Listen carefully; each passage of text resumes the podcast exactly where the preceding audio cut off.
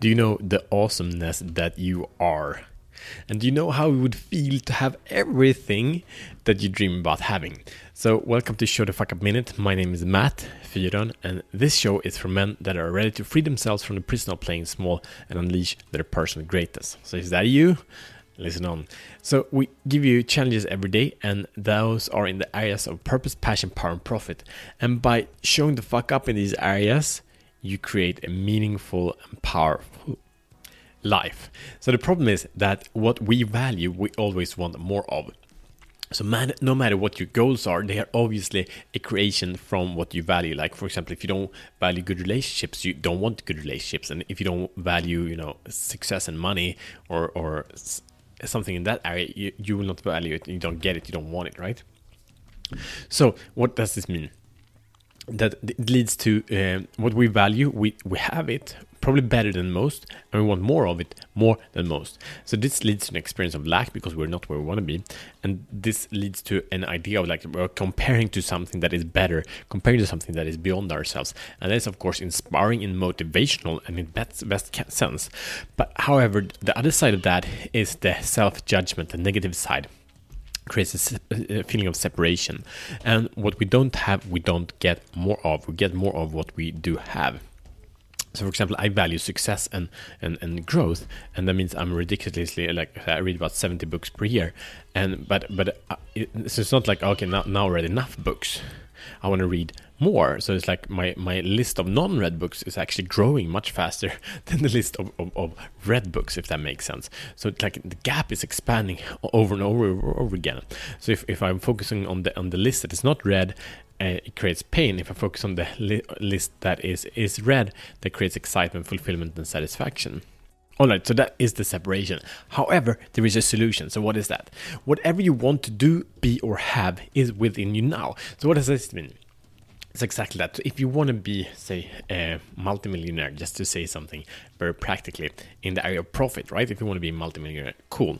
So that uh, potentiality, if, if, you look at this uh, tree, if you look at an oak, a big oak tree, they have oak, I don't know what's called, like seeds. And the oak seeds kn- knows everything it takes to become a full, powerful, you know, 300 year old oak tree. They have all the information just as the same if you have an idea that you want to become a millionaire you have that seed is already planted in you meaning you know the evolution needs to happen. But however, the seed is not done. It, it needs a lot of nutrition. It needs you know water. It needs needs soil. It needs air to be able to sun. It needs all these things to be able to grow and evolve in the direction it, it, it wants to. It ha- but it has the desire. But it's already present within you. So otherwise, you will not be able to decide.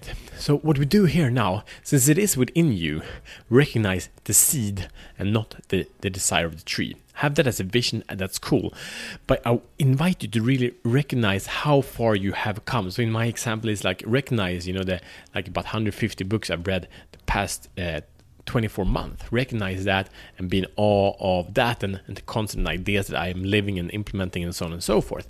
Like be in awe of that that is the that's the point and that's the challenge so here's your mission should you choose to accept it First, number one, identify what you want to improve, learn, or become. So, for example, what you want to uh, become uh, can be uh, a, a, characteristics. For example, like okay, I want to be more caring or learn a skill. So maybe you want to uh, become a coach or or become a man of influence that people listen to.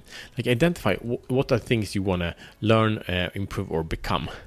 And and then number two is how are you showing up as that day? How are you showing up as that characteristic? How are you showing up with that skill? How are you showing up with that uh, value uh, today. So list those things, how you're already the success that you are. What that happens is it brings in a feeling of yes, I am here, I am where I want to be, and by that, the external manifestation and the creation of the, these other things will happen so much easier. I hope this makes sense to you, and it's super powerful, powerful, super transformative exercise. So show the fuck up to it.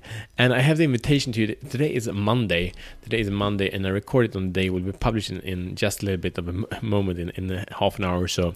And the 29th of June. The 1st of July, something amazing happens because we will have a free a class on the Show the Fuck Up Life Mastery Planner, how to create life uh, of life mastery. There's a, purpose, power, passion, and profit, and it will be amazing. It will show you, you know, the real the clarity in how to claim ownership, why you don't have the life you want right now, and what needs to fill that gap. And you get a free planner and and the, the actions take to, to, be able to really implement that the coming 30 days. So it's going to be amazing. So you're invited to that. You can uh, click the link in the show notes to register for that free training. Uh, invite your friends that want more in life. It's going to be really awesome. All right. See you tomorrow as better men